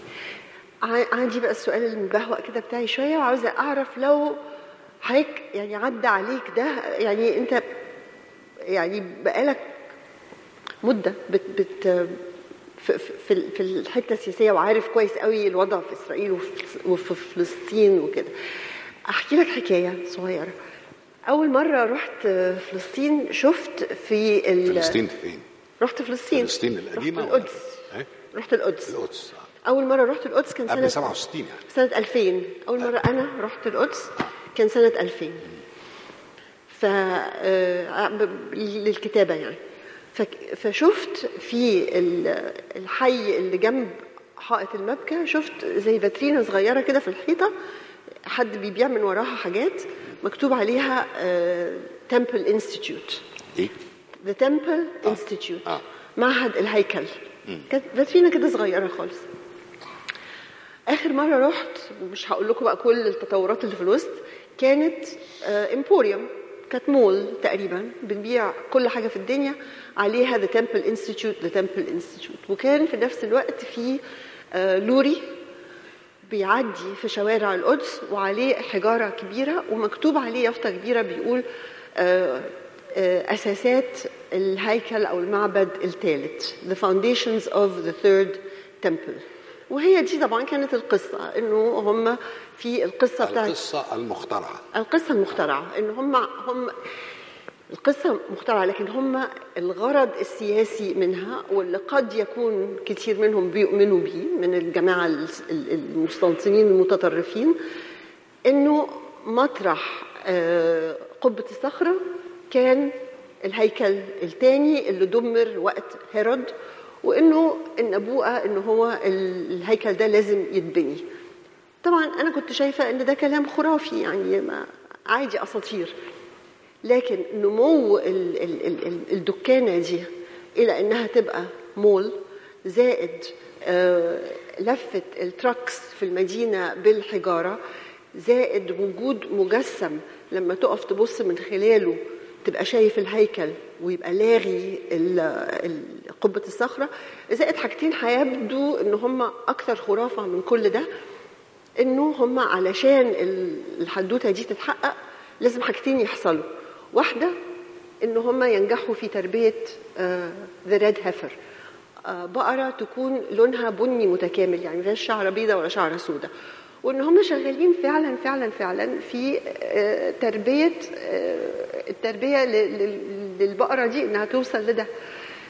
دي كانت حاجة. والحاجة الثانية إن يبقى عندهم أنا والله ببقى مكسوفة بس يعني الحاجة التانية إن يبقى عندهم ما يكفي من الحرير الأحمر اللي جاي من دودة معينة the crimson worm يكفي للبس الكهنة ولتغطية الهيكل. هم بالفعل عندهم معمل مصنع بقاله دلوقتي أكتر من آه، عشر سنين بينتج حرير أحمر وبيخيطوه ومن شهرين أعلنوا أنه نجحوا في تكساس في تربية خمس بقرات حمر وأن هم جابوهم على إسرائيل. طيب لما تبقى الحاجات دي إحنا بنحطها على جنب على أساس إن هي هلاوس لكن الدولة بتستعملها ولكن بنشوف دخول أكتر وأكتر وأكتر للمستوطنين في حرم الأقصى. وبنشوف إن هم مش بس بيدخلوا برفقة الجنود علشان يلفوا لأ بيخشوا وبيعملوا شعائر صلاة. وبنشوف إنه في آه، من من شهرين في مناسبة آه، يهودية منع المسلمين يعني هم في الإبراهيمي أسمينوا أول مرة يمنعوا المسلمين من إن هم يدخلوا النص بتاعهم. ويكرسوه كله للمصلين اليهود في المناسبة دي. فاللي أقصده إنه ده غير إنه كل الحفريات اللي عاملينها بالفعل تحت الأقصى تحولت دلوقتي إلى the City of David عير دافيد اللي هي يعني حاجة كده زي ديزني لاند متكاملة. بيجيبوا السواح وبيقولوا لهم إن دي مدينة داوود وإن دي الجنينة اللي كان بيمشي فيها وكذا. فبيخلقوا فعلا الواقع اللي على الأرض اللي يمثل يمبودي يكين يجسم الأسطورة. عملوا ده في سلوان على حساب الناس والبيوت والأرض وكل حاجة. عملوه والناس السواح دلوقتي بتجيله. جنبها بقى على طول الأقصى. يعني لما الناس بتبقى حاسة إنه في خطورة على الأقصى قناعتي إن دي خطورة حقيقية. إنه كل الموضوع إنك تترك ال- اللجام يعني لكم مستوطن يعملوا حاجة. والدولة بتستعملهم ودي تبقى ضربة قاصمة يعني. هل حضرتك مر عليك حاجة زي كده ولا أنا ب- يعني دي مش لا انت؟ لا انت ها؟ يعني مشيتي الناحية شوية كده. لا، إنما في كثير من السرديات والأقاصيص والكلام اللي ركب على بعضه على مدى قرون آلاف السنين عن هيكل وعن مش عارف إيه وعن ش- بقرة وشي بتاع الكلام ده يعني لا يصح إن إحنا نتعامل معاه وإحنا في القرن الحادي والعشرين. بس دي صبر، مستوطنين ده صبر. غفير وسموتريتش. طب لا طب لا. عملوا هذه الحفريات لم يجدوا أثر لهيكل. صح. هذه واحدة. ده يعني إيه؟ مش إن إحنا نركز على الحفريات. ركزي على الحفريات التي لم تجد اثرا لهيكل بني اني تايم في أي من العصور السابقة. إذا كان بني بني سموير مش هناك. مش القدس. فالكلام اللي بيعملوه ده وحفريات وعساكر واقفة دي سينما. دول بيخلقوا حقائق. فأنا لا أتعامل معاها. بس. طيب. ولا يصح أن أتعامل معاها. ما حاولش مسألة بسيطة. جدا. ما أنا أقول له كمان عمر بن الخطاب صلى هنا. ابعد عن الحتة دي. دي صلى فيها عمر بن الخطاب. واعمل قصة أنا كمان. سهلة قوي يعني.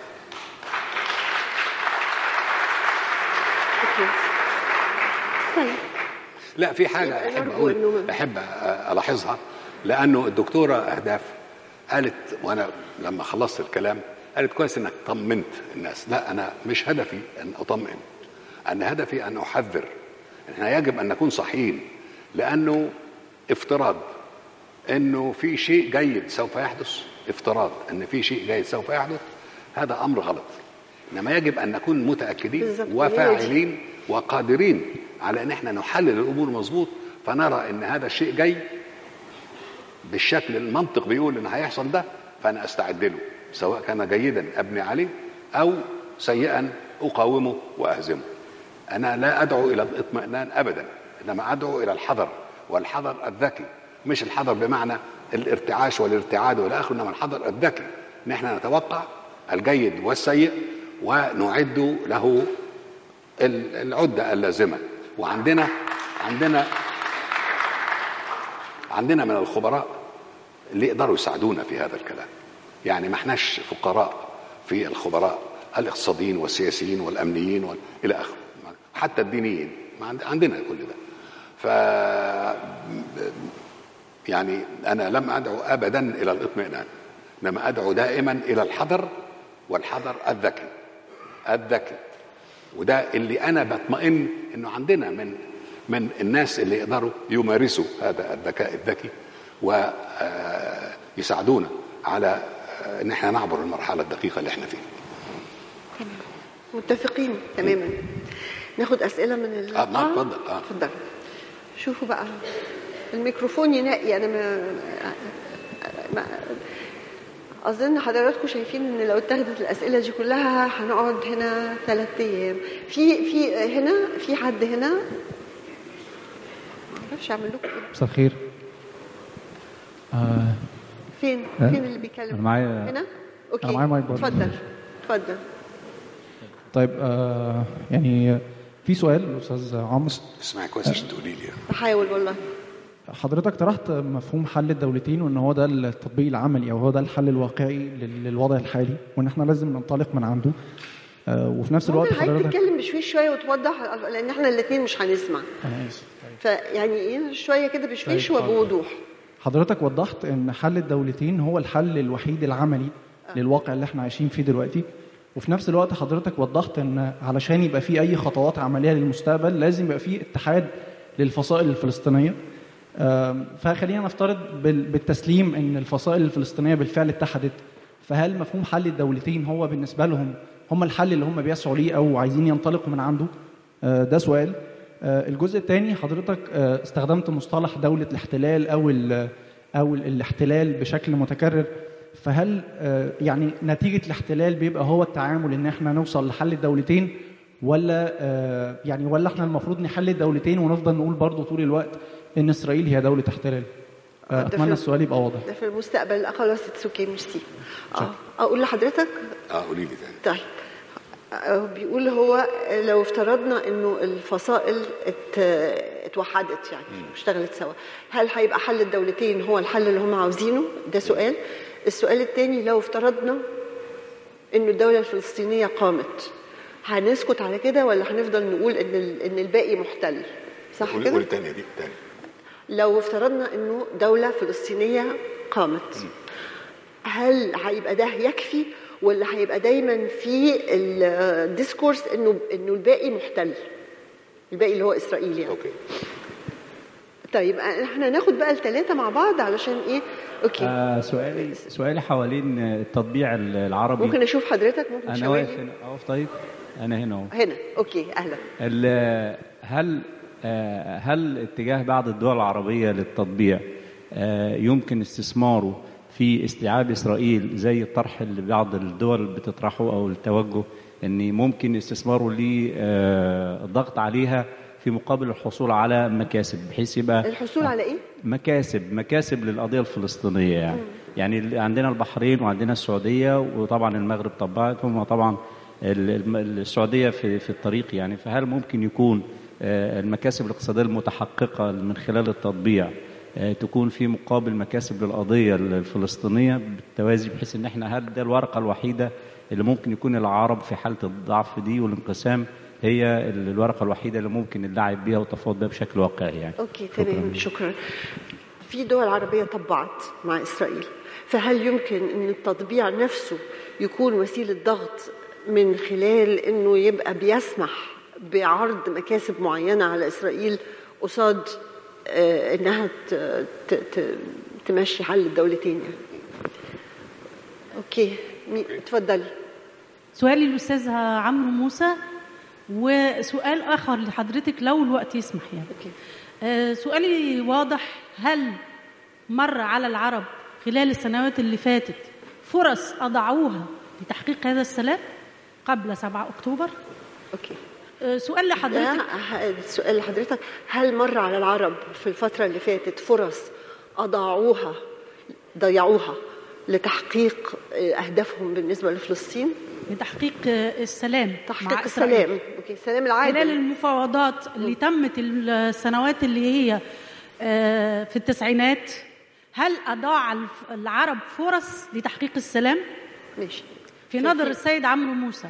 في مفاوضات التسعينات هل أضاع في مفاوضات التسعينات؟ هل أضاع العرب فر في المفاوضات في التسعينات؟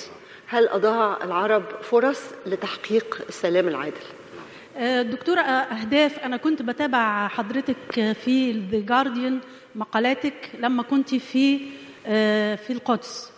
وكنت رايحة طبعا بتصور أو ابروتش الدعوة للسلام. لا ما كنتش. آه، لا يعني- لا لا لا لا دي واحدة. أنا لا حضرتك خلاص نتجاوزها دي. مش نعم. مهم.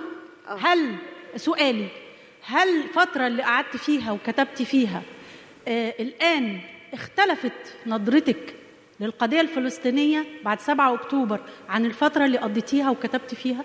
وأنا كنت متابعة جدا آه آه مقالاتك في الذا جارديان أوكي شكرا. أنا أنا هرد ب- بسرعة. آه لا الحقيقة لأن في ثوابت. يعني القضية الفلسطينية قضية عادلة وفي احتلال وفي احتلال آه، للقدس وفي تعامل زي ما وصف عمرو بيه بتعالي وباحتقار وبكذا ويعني ف المسألة بالنسبة لي ما كانش إن إن في يعني ما فيش نظرة للقضية واتغيرت. هو مجرد إنه أنا بما إني كنت اوريدي مناصرة للقضية بوصفي مصرية من جيل معين. اتربى على القضية الفلسطينية.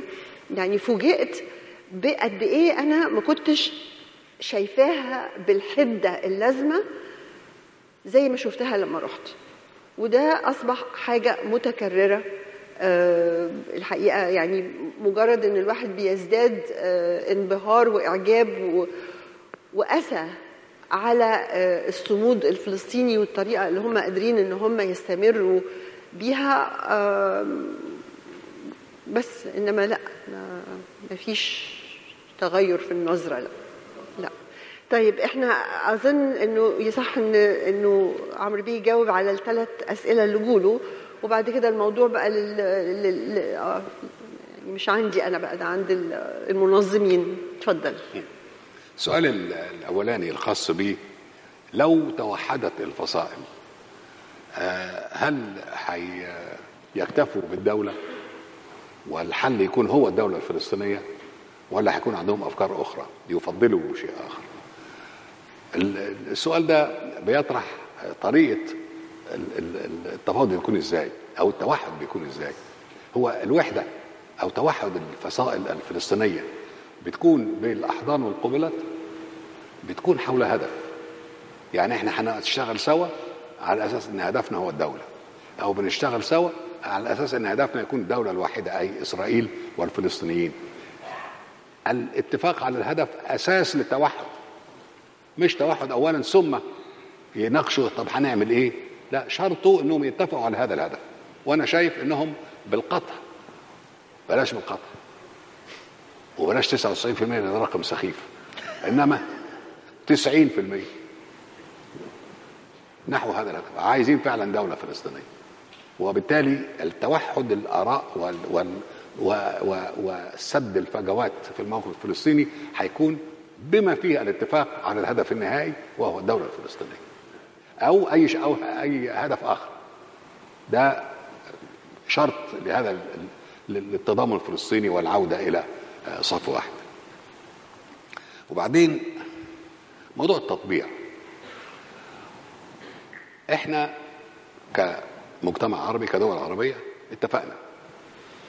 في مبادرة بيروت سنة 2001 إنه إحنا مستعدين للتطبيع. ومستعدين للاعتراف الجماعي من 22 دولة بإسرائيل. بشرط واحد الانسحاب اثنين التفاهم على موضوع اللاجئين. ثلاثة حقوق الحق تقرير المصير الفلسطيني والى آخره. في توازن في الالتزامات. وبالتالي موضوع التطبيع ليس غريبا عن ال ال ال العقل العربي اللي خطط الموقف الجماعي في بيروت سنة 2001 إنما التطبيع كان قائما جزء من ديل وقائما على التبادل. انت هتعمل كذا وأنا هعمل كذا وبالتالي نتفاهم ونتحرك إلى كذا. أما التطبيع المجاني فلم يكن ابدا جزء من التفكير العربي ابدا. ولذلك جزء من اللي حصل في 7 أكتوبر من آثاره لأنها عوقت التطبيع. وأنا الحقيقة يعني أستبعد جدا إن المملكة العربية السعودية كانت على استعداد للتطبيع مجانا. منطق الأمور بيقول كده. الحديث معاهم تفهم مع بعضهم مش كلهم يعني. أو إنما ممثلين جيدين لهم.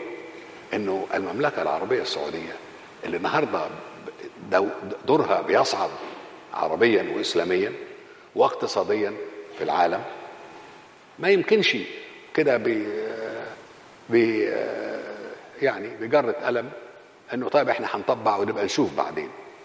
مش هيحصل. ليس هذا بال بال بالسياسة الحكيمة لأنها تؤدي إلى خسارة بالغة خصوصا إذا أخذنا في الاعتبار موقف الرأي العام العربي الموجود في كل العالم العربي وموقف الرأي العام عموما في العالم يعني. لذلك أنا مطمئن إلى موقف السعودية والتطبيع المجاني ده يعني خطأ كبير جدا. حتى لما الإمارات طبعت اصدروا أبلغونا أبلغوا عدد كبير من الناس إنه أنا أخذ هم أخذوا من إسرائيل تعهد بألا يضم أي جزء عربي ما فيش قرار يصدر من البرلمان من كنيسة بتطبيع بضم أراضي عربية. والحقيقة إنه ما حصلش إنه حصل ما حصلش ضم أراضي عربية إلى إسرائيل بناء على قوانين. إلا الجولان خد بالك إحنا بنتكلم على أراضي فلسطينية. والجولان ده موضوع تاني برضو يعني ممكن نتكلم فيه لوحده. التطبيع ده كان مقابل إنه التزام بعدم الضم. الإسرائيليين ب يعني بطريقتهم المعروفة ما فيش ضم قانوني إنما في قضم تدرجي بيقدموا شوية بشوية وده اللي سبعة أكتوبر تعامل معه. ولذلك هذا من ضمن ال ال الإيجابيات. اللي آه سببها آه أحداث سببتها أحداث آه 8 7 اكتوبر بس 8 أصل أنا بقول كتير في نقاشات مع يعني مع ناس. بقول لهم شوفوا إذا لم يتغير الوضع فأنتوا عشتوا 6 أكتوبر وعشتوا 7 أكتوبر هتعيشوا 8 أكتوبر و9 أكتوبر و10 أكتوبر ما لم يتغير هذا الوضع. إذا ما تغيرش ثقوا إنه هيكون في 8 أكتوبر و9 أكتوبر بظروف مختلفة بطرق مختلفة إنما هتحصل. ولذلك الكل دلوقتي شايف إنه لابد نشوف مخرج من الوضع الحالي. المهم إن هذا المخرج ما ينتهيش إنه يكون يدي نسبة كبيرة للإسرائيليين ونسبة قليلة للفلسطينيين وده شغل العالم العربي بقى وتجمعاته. هل مر على العرب فرص اضاعوها تسببت في الوضع الحالي؟ والله ما أقول لكم. بكل صراحة يعني. كان في فرصة. لو ياسر عرفات انضم إلى أنور السادات في ذلك الوقت سنة 1976 كان وفعلا التفاوض المصري كان تفاوض على مرودين مصر والأرض ومستقبل الفلسطينيين. وتم الاتفاق إذا كنتوا تذكروا إنه مع مصر انسحاب المطلق الكامل وهم حاولوا يتدلعوا وياخدوا حتة في طابة ما ما نجحوش في هذا. أما بالنسبة للفلسطينيين فتم الاتفاق على حكم ذاتي كامل ينتهي في فترة معينة يتم التفاوض بعدها على الحل النهائي للمشكله الفلسطينية مع الأخذ في الاعتبار أن أحد الاحتمالات هتكون دولة فلسطينية مستقلة.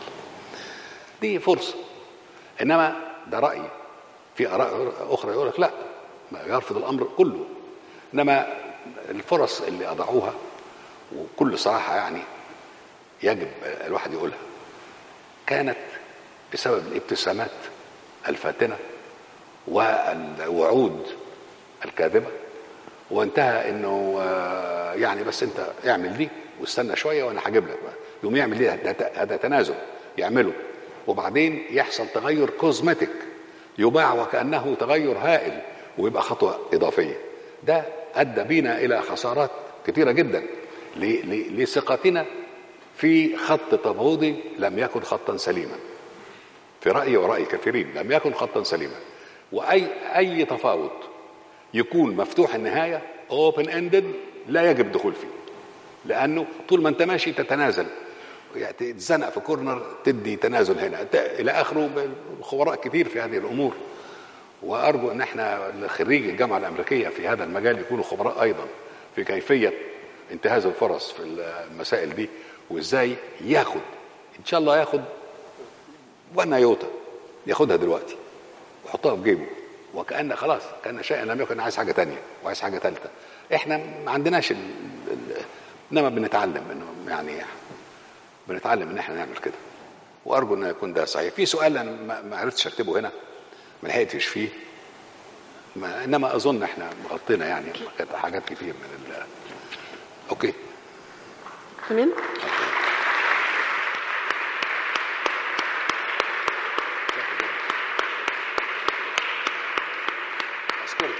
بالعكس أنا اللي بشكرك جدا.